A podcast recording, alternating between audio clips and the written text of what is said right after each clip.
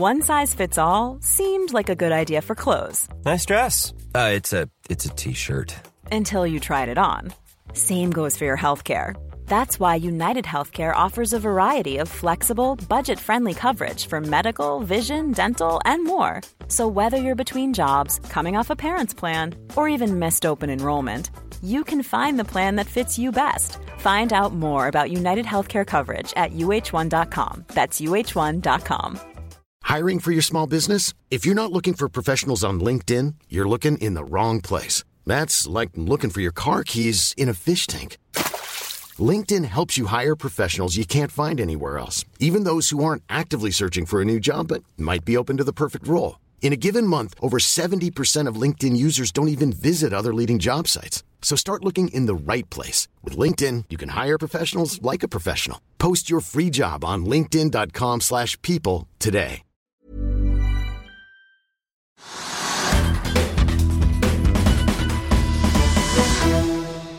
En riktig god onsdags ettermiddag og velkommen til Økonominyhetene her hos oss i Finansavisen. Det har blitt onsdag 20. september, og vi er på plass på dag én av Paretos store energikonferanse her på Holmenkollen Park Hotel i Oslo. En konferanse som jo feirer eh, 30 år. Vi har allerede rukket å prate med Pareto-sjefen selv. Vi har pratet med oljeselskapet Okea, BV Groups, Andreo Somen Pau tidligere i dag også, men mer skal det bli. I denne sendingen så får vi straks med oss Equinor-topp Irene Romelov, som både leder tradingavdelingen, som nå følger et veldig tett energimarked, brennet også får vi si, og som også har ansvaret for selskapets nye inntog i amerikansk karbonfangst, med Chevron med på laget. En satsing som ifølge da Romelov kan bli like stor som karbonfangstsatsingen i Norge. Mer om det straks. Vi skal også høre fra fornybarselskapet Bagnora, som har steget og steget på børsen i det siste, og som etter å ha takket nei til å delta i den norske havvindauksjonen, som er like rundt hjørnet, nå har hyret inn Pareto for en strategisk gjennomgang av selskapet. Hva som kan komme ut av det, blir det mer om med sjefen i Magnora, Erik Sneve, litt senere. La oss sitte litt på overskriftene du må vite om på denne onsdagen. Det er rentemøte da i USA klokken åtte i kveld. Atlantic Sapphire har hentet penger og faller på børsen. De har da hentet totalt med reparasjonsemisjonen 842 millioner til en kurs på 1,40 for lakseoppdretteren som altså driver på land i Florida i USA.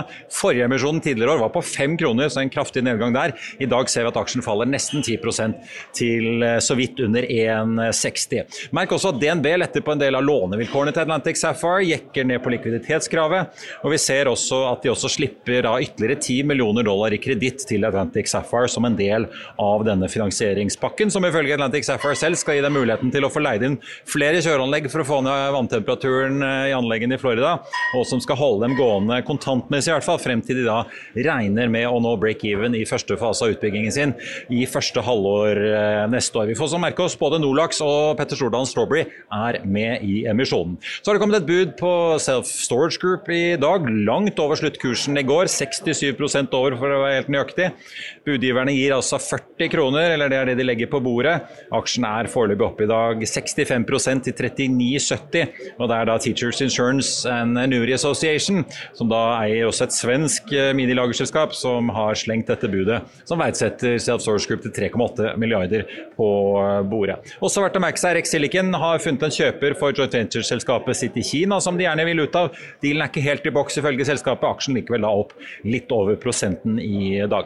Hovedveksten på Oslo Børs har krøpet oppover mellom en kvart og en halv prosent. Vi ligger på en rundt 1305 poeng. Det betyr at det blir ny all time high. Rundt oss i Europa er det også grønt i dag. Futuresene på Wall peker også oppover, før da rentedommen kommer fra Jerome Powell i kveld. Vi merker oss også oljeprisen, som jo veldig mange er opptatt av på denne konferansen, noe ned i dag, men fortsatt på solide 93,70 omtrent. Oljegiganten Vår Energi sliter fortsatt litt på børs. De har jo kuttet guidingen sin og varslet nye overskridelser på Balder X-prosjektet, i tillegg til Johan Castberg, som jo Equinor er ansvarlig for. Og I dag er også Bank of America ute og kutter anbefalingen sin på Vår Energi fra kjøp til hold, med et kursmål på 35. Vår ligger, på rundt 32.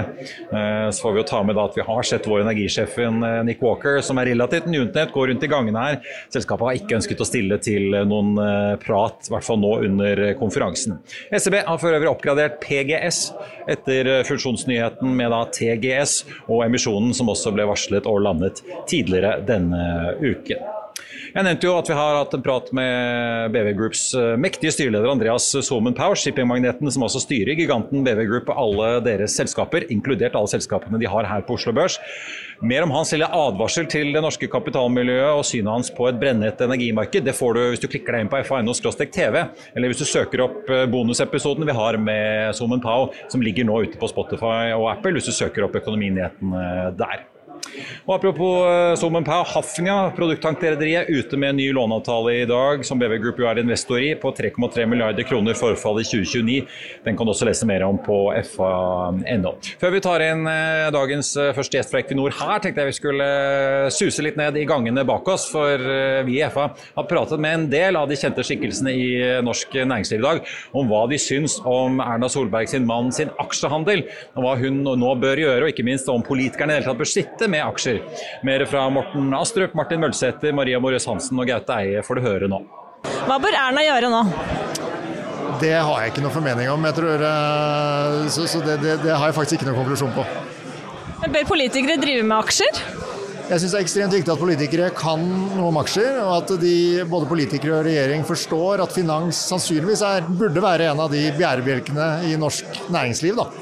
Eh, og det er det veldig få som eh, virker som de har forståelse for i dag. Så det, det er kanskje det som jeg syns er viktigst. At uansett hva slags regler som kommer ut av dette, så håper jeg det blir lov Og så, så, kan vi ikke ha et helt storting og regjering som ikke har noe forhold til finans. Det har vært mange skandaler i norsk politikk. Har du noe råd til norske politikere? Nei, jeg, vær ærlig. Er Solberg statsministerkandidat i 2025? Godt spørsmål. Det har jeg ikke noe svar på. Hva bør Erna gjøre nå? Hva Erna bør gjøre nå? Jeg håper at hun uh, blir, ja. Altså, jeg håper det. det jeg syns det blir for synd hvis, uh, hvis uh, det den ektemannen gjør skal liksom påvirke henne. Så jeg håper virkelig at hun blir. Selv om jeg ser jo at hadde det skjedd i finansnæringen, så hadde, jo, hadde hun måttet gått med en gang. Det er, det er litt forskjell. Ja, Bør egentlig norske politikere drive med aksjer? De bør helst uh, plassere pengene sine i fond. Mine fond. Nei, de bør, ærlig, de bør helst uh, drive med fond og ikke, ikke enkeltaksjer. Det har vært mange skandaler i norsk politikk de siste månedene. Har du et råd til norske politikere? Igjen, plasser pengene dine i aksjefond. er Solberg statsministerkandidat i 2025? Jeg håper det, men jeg er veldig usikker. Jeg håper det. Hva bør Erna gjøre nå? Eh, det er jo et vanskelig spørsmål, så jeg tror at eh, Erna prøver å forstå situasjonen som hun er oppi, og løse den på en best mulig måte. Og det tror jeg at man skal ha litt respekt for ikke er eh, noe som blir tydelig for en i løpet av en dag eller to. Bør norske politikere drive med aksjer? Jeg syns i hvert fall at eh, man skal være veldig forsiktig. Og så tror jeg det er mange av oss som kommer fra næringslivet som er veldig overrasket over at uh, reglene ikke har vært strengere, at oppfølgingen av regler ikke har vært strengere, og at dette med nærstående opplagt har en helt annen betydning enn sånn man oppfatter det i næringsliv og finans. Eh, sånn at man trenger et mye tydeligere, mye ryddigere regelverk. Og selvfølgelig en fullstendig etterlevelse. Det tror jeg vi alle må bli enige om. Har det vært for slepphendt? Eh, kanskje har hun vært eh, naiv, det vet jeg ikke. Eh, egentlig så er jo dette litt tragisk. Eh, og, så det er, har en menneskelig side her man skal ha respekt for. Er Solberg statsministerkandidat i 2025? Eh, det er det bare Høyre og Erna selv som kan bestemme. Eh, og det tror jeg heller ikke er en beslutning som behøver å tas i løpet av en eller to dager. Hva bør Erna gjøre? Nei, altså, det, det, er jo ikke opp til måte, meg som jobber innen finans og, og kapitalforvaltning å, svare på. Så, så, det eneste som vi ser fra vår bransje, er jo at vi har nesten i 20 år vært underlagt veldig strenge regler. Og vi har på en måte ikke hatt koner eller barn som har handla aksjer. Så selvfølgelig de bør kanskje lære litt av den bransjen vi har da. Og så se på de retningslinjene vi har vært underlagt. Det, det kan jo være et uh, tips for fremtiden. Bør politikere drive med aksjer?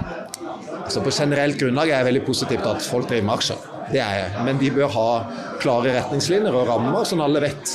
Både de som jobber i politikken og de som ikke jobber, hva er det de er underlagt. Så da vil vi jo på en måte ha klarhet i det i fremtiden da, på en helt annen måte enn vi har hatt. da. Det tror jeg er veldig sant. Har det vært for slepphendt? Altså det, det er jo ikke så vanskelig å lese de, eh, det vi leser i avisen i dag, at det hadde vært det. Det er jo ikke noe tvil om det. Er Solberg statsministerkandidat i 2025? Eh, Jeg håper for eh, hos en del at hun er det. Da står vi her med får vi si, en av de store navnene på scenen her på Pareto-konferansen i Holmenkollen. Irene Romloff, konserndirektør i Equinor. Ansvaret for eh, trading, midstrøms og eh, får vi si, landanlegg i Equinor. Et ganske hett eh, marked om dagen. Hvordan liksom kjennes temperaturen? Vi har jo sett meldinger fra dere om også overskridelse på nye prosjekter. Er det, koker det skikkelig i energibransjen nå? Jeg tror det koker mer under overflaten enn det kanskje eh, folk ser med det blotte øyet. Eh, Hvis du f.eks. tar gassmarkedet, så tror jeg det er mange som har på en måte senka garden litt og trodd at energikrisen er over. Eh, Det er den jo for alle praktiske formål ikke, for vi har jo fått veldig lite ny ekstra supply eh, til markedet. Vi må jo vente til 26-27 før det kommer nye volumer. Så jeg syns jo den streiken i Australia var jo et godt eksempel på hvor nervøse markedene egentlig er. Da, Ja, for de som ikke liksom, kan hele saksfeltet, Chevron to store LNG-anlegg, eh, der er det streik. De står jo for rundt 7% av hele LNG-tilbudet i verdensmarkedet. Gassprisen gikk jo ganske mange euro på veldig få minutter når det plutselig var fare for streik. Den gikk jo eh, mest streik. eh, når faren for streiken kom ut. da. Ja. Eh, Og så var det jo faktisk både Woodside sine medarbeidere og Chevron sine medarbeidere som potensielt kunne gå i streik. Og så gikk jo Woodside klarte jo å få til en avtale, og, Chevron har jo gått en eh, streik som er en ganske forsiktig streik. da. De er et par eh, timer om dagen hvor de ikke er på. Eh, Så foreløpig så har det ikke påvirka eh, supply. Eh, men jeg syns jo det var mest interessant da når ryktene kom. Eh, gikk jo TTF-prisen opp eh, 40 eh, på et tidspunkt den dagen. og og Vår aksjekurs gikk faktisk opp 7 og jeg vil påstå at begge deler var en eh, overreaksjon. Men eh, det sier litt om nervøsiteten i markedet. Ja, for det at Du sier at det skjer mer under overflaten. Eh, En ting er jo da på aktivitet, selvfølgelig, som du også Mm. da implisitt eh, sier, og kanskje hvor mye man har å gå på på utbyggingstakt. Men hvis vi ser på energisituasjonen i Europa, da, som du sier, så snakkes det om lagrene er fulle, dette kommer til å gå bra. Det er jo gjerne det mange politikere i hvert fall liker å snakke om. Mm. Men hvis vi da får en kald vinter i Europa, som vi jo ikke hadde i fjor, Ja. hvis vi da skulle få det, hva kan utspille seg da, tror du? Nei, Da tror jeg vi kan få store problemer. Eh, For da vil vi gå ut av eh, ja, vintersesongen med tomme lager. eh, Og da blir det et kjør for egentlig å fylle opp til neste vinter. Så du har en sånn reset-button egentlig hver eneste vinter. Eh, Så blir det kaldt, så blir det tøft i markedet. Er det mildt og til dels normalt, så kommer vi til å muddle through, tror jeg, på samme måte som vi har gjort i ja, de siste seks månedene eller noe sånt. Mm. Du sitter jo, som folk kanskje skjønner, med ansvaret for tradingavdelingen i Equinor. Dere trader jo selvfølgelig LNG fra, fra Melkøya, olje og gass ut fra norsk eh, sokkel. Dere gjør også handler i det åpne markedet. Men bare for å runde av det med Europa, da, hvis vi nå antar at Russland ikke kommer inn med noen gassvolumer i overskuelig fremtid, eh, når er det Europa får et eh, reelt sett et eh, litt pusterom og litt mer robusthet i energileveransene? Er det når mange av disse nye LNG-prosjektene kommer inn de neste par-tre årene at man får en økt tilbudsside, eller er det noe annet man må gå og vente på for å få en reell lettelse i det underliggende trykket? Du er god på dette her. Du gir meg omtrent svar. Nei, men du har veldig rett, eh, egentlig. Jeg tror vi må vente til vi kommer ut i 26-27. Da kommer det et eh, røys egentlig med nye LNG-supply på markedet. Det kommer fra Qatar og det kommer fra USA. Først da så vil jeg påstå at det begynner å bli litt sånn eh, robusthet i eh, ja, globale LNG-balansene. Så inntil den tid så, så tror jeg vi skal være forberedt på ganske så mye volatilitet. eh, For skjer det et eller annet eh, Vi hadde jo en brann på Freeport LNG her for en stund siden. Og det var brann på. Melkøya, som Ja, plutselig også slo ut så, så, LNG-kapasitet, så den type ting vil uh, gi store utslag. Så det er ingen nye store prosjekter i Europa, altså enten fra Norge eller andre steder, eller for så vidt fornybarutbygginger som kan komme inn og gi oss litt mer alburom av betydning? da? Nei, vi har veldig god kontroll på liksom ny gassupply som kommer til markedet. For det er jo typisk en fra investeringsbeslutningen blir tatt til det kommer i porsjon, så er det jo typisk fire til fem år. Så, så det har vi ganske god kontroll på. Det vi er litt mer usikre på, det er jo etterspørselsresponsen. Og mm, jeg skal være så ærlig å si at vi var litt overraska at ikke etterspørselen har kommet opp nå når prisene har vært stabile, ja. i alle fall i en periode. Rundt 70 men vi snuser jo, eller folk tror i hvert fall at vi snuser på 100 dollar. Vi har sett vi krøper stadig oppover mot 95 på nordsjøoljen i hvert fall. Ja, nå er det på olje nå. Ja, ja på olje. Ja, ja. Du snakker om gass? Jeg snakket om, ja. fortsatt om, om gass, jeg. Men at vi ikke hadde sett at etterspørselen på gass hadde kommet opp igjen etter en periode med relativt stabile gasspriser. Ligger på 30-tallet eh, på euro, i hvert fall på den mm. norske TTF-prisen. Men er det tegn på at europeisk industri ikke har gjenåpnet igjen? Det er jo mye kapasitet der jeg som har stengt ned. Jeg tror det er en, et tegn på at uh, det er en legg. Og jeg tror at industrielle aktører må se en forlenget periode med relativt stabile, lave priser før de igjen åpner. Uh, F.eks. en gjødselfabrikk eller en aluminiumsverk, ja, aluminiumsverk eller, hva det måtte være. Hmm. Tror du vi når 100 dollar fatet nå, da? Ja, eh, vi kan fort se 100 dollar hvis eh, Saudi-Arabia opprettholder de kuttene, tenker jeg. Mm. Det andre jeg vil snakke med deg om, er eh, karbonfangst. For dere har jobbet med dette lenge ut som, med Norge som base, da, for å bruke norsk sokkel som et lager mm. for CO2. Northern Lights er jo et stort prosjekt mange planer om å få masse CO2 inn fra europeisk industri for å bli lagret i Norge. Men her om dagen så kom dere med melding om at dere nå har kjøpt dere inn i et samarbeid med Talos og ikke minst Chevron i, utenfor kysten av Texas, Bayou Bend. Eh, dere skriver at det kan lagre inntil en milliard tonn CO2, så det er jo svære greier dette her. Men vi har jo sett både Chevron, også Exxon og de amerikanske selskapene virkelig skru opp satsingen på CO2-fangst. Fortell litt om det, det inntoget dere gjør her nå for første gang på amerikansk karbonfangst. Nei, Vi har jo hatt en stor butikk i USA i mange år, både for fornybart olje og gass. Og vi har jo fulgt eh, utviklingen på CO2. Eh, ja, mulighetene i, i en lengre periode. Og så kom jo IRA, da, Inflation Reduction Act, med vanvittig gode insentiver ja. Eh, for det. Så det, det får faktisk en skattekreditt på 85 US dollar per eh, millioner tonn. Eh, nei, per tonn, beklager. Eh, og det vil si at hvis vi klarer å lagre, altså fange og lagre dette for mindre enn 85 eh, US dollar, da, så vil det lønne seg for industrielle aktører å lagre istedenfor å, å slippe ut. Så med IRA så kom det en veldig interesse fra industrien, og vi valgte da å ta et aktivt steg inn for å være en del av de forretningsmulighetene. Og så som du sier, så har vi ikke like god kontroll på geologien som vi har i, i Norge, så vi valgte å, å, gå inn med en av de store, Chevron, som du som rett nevnte. Både de og Exxon har jo nå steppa opp virkelig. De er lommekjente, og, og de har steppa opp og har virkelig tro på at eh, CO2-lagring eh, blir en eh, forretningsmulighet. Dere er jo ikke så åpne med tallene ennå, det er sikkert tidlig i prosessen, men likevel. Innledende fase av Northern Lights her hjemme skal jo kunne lagre halvannen millioner tonn. Jeg ser Exxon og Yaras konkurrent CF Industries skryter at de skal fra 25 lagre to millioner tonn i året i nabolaget der dere nå holder på i USA. Mm. Men hvor stort prosjekt kan dette bli for dere, da? Er det på linje med det dere holder på med i Norge?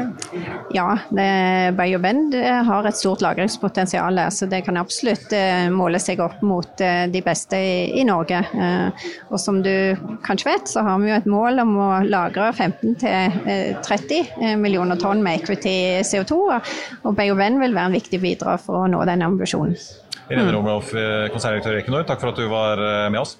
Du hører på Klokkelandslaget, en podkast fra Finansavisen i samarbeid med tidssonen.no. Og ja, du gjettet riktig, dette er en podkast om klokker.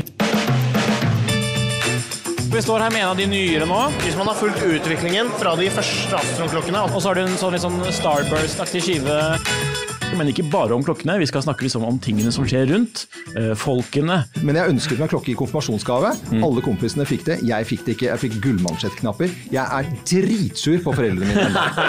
Nyhetene, eh, historiene, merkene. Hva som er interessant i klokkeverden, rett og slett. Da står jeg her eh, sammen med en av de som har hyret inn nettopp Pareto Securities på Pareto-konferansen for å få litt bistand om dagen. Erik Sneve, sjef i Magnoro.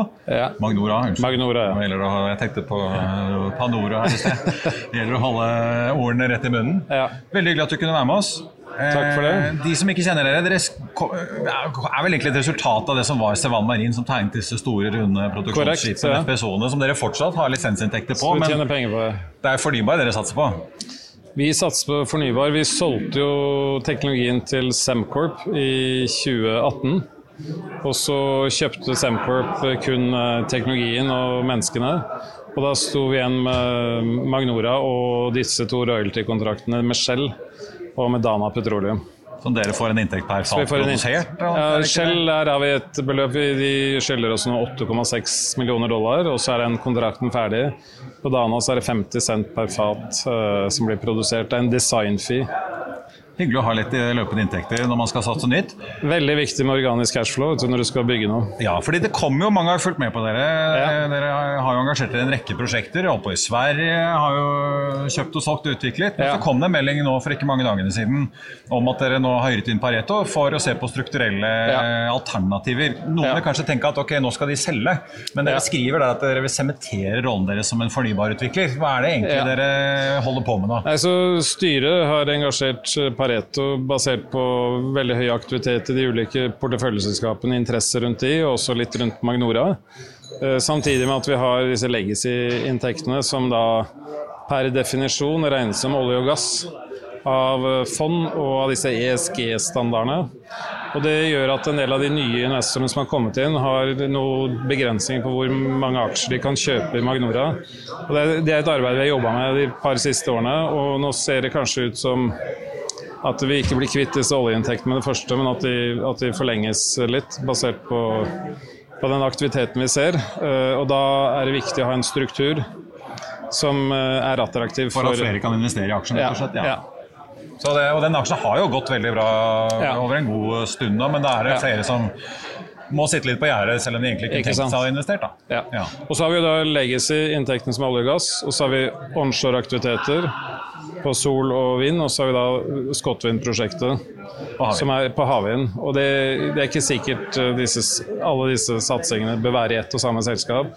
Og Pareto sammen med juridisk rådgiver ser da på en optimal struktur Ja, for vi dette. Kan, vi kan holdt jeg på å si, si at vi får en Magnora vind, Magnora sol. eh, Nei, vi lover ingenting, men eh, det er såpass Det er et alternativ nå. Ja, det kan være et alternativ, ja. Ja. Også, dere har jo Hafslund din som storeier.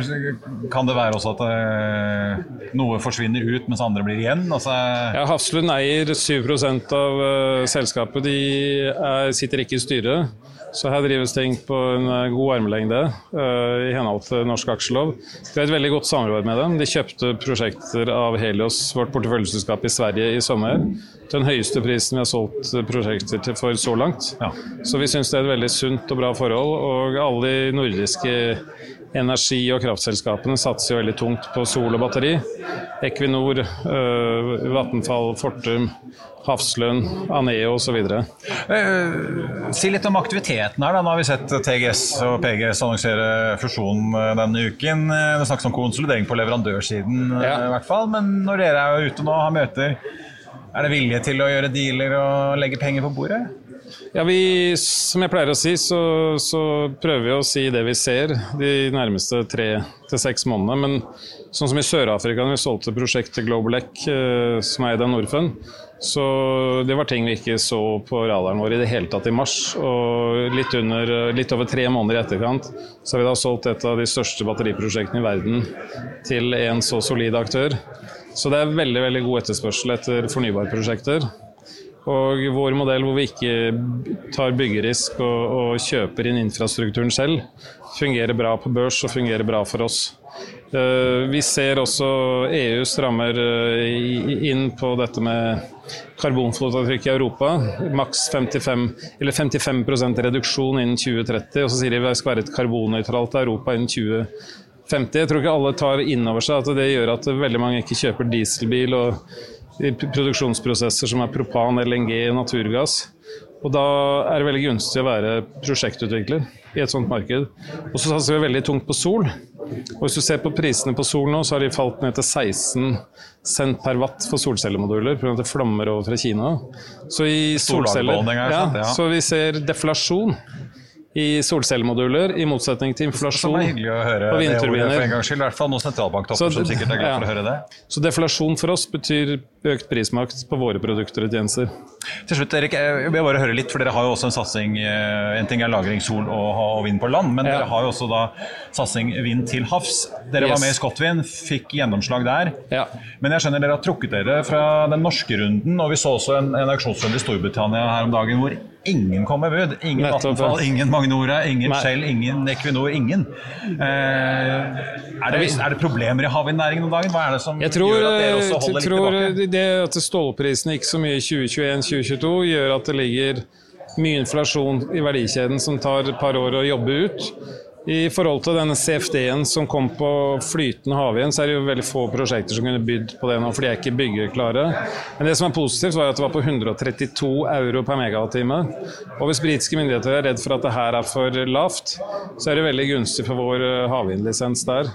Så i, i, i Skottland, i motsetning til mange andre markeder, så har de veldig gode rammevilkår for offshore vind og klare auksjonsrunder.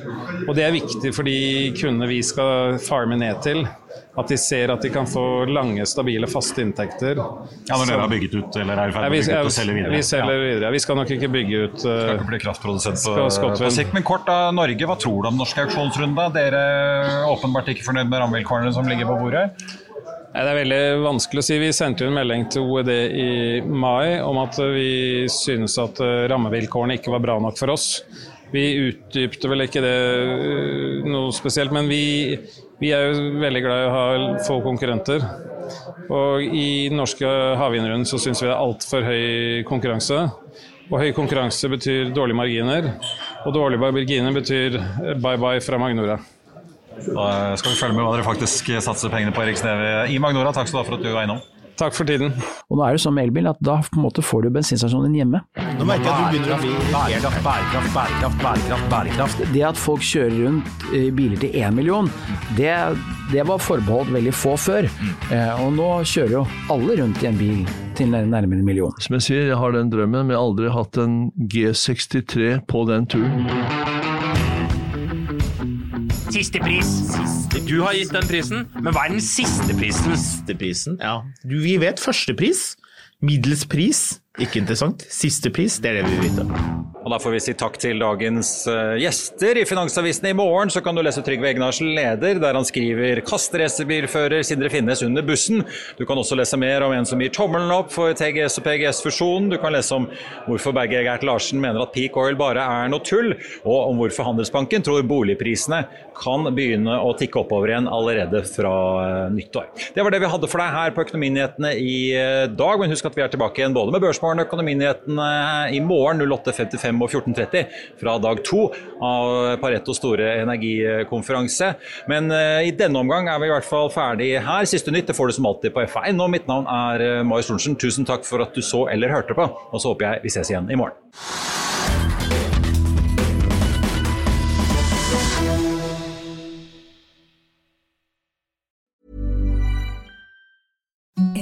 The softest sheets you've ever felt. Now imagine them getting even softer over time. That's what you'll feel with Bowl and Branch's organic cotton sheets. In a recent customer survey, 96% replied that Bowl and Branch sheets get softer with every wash. Start getting your best night's sleep in these sheets that get softer and softer for years to come. Try their sheets with a 30-night guarantee. Plus, get 15% off your first order at bowlandbranch.com. Code BUTTERY. Exclusions apply. See site for details.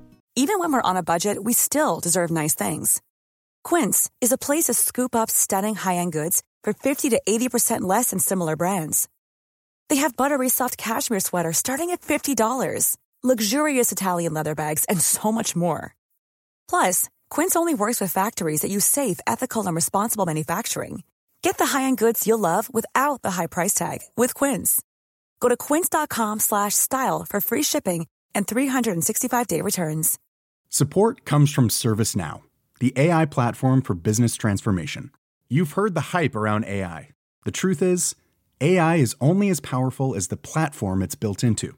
ServiceNow is the platform that puts AI to work for people across your business, removing friction and frustration for your employees, supercharging productivity for your developers, providing intelligent tools for your service agents to make customers happier. All built into a single platform you can use right now. That's why the world works with ServiceNow. Visit servicenow.com slash AI for people to learn more. Økonominyhetene er en podkast fra Finansavisen. Programledere er Marius Lorentzen, Stein Ove Haugen og Benedikte Storm Bamvik. Produsenter er Lars Brenden Skram og Bashar Johar. Og ansvarlig redaktør er Trygve Hegnar.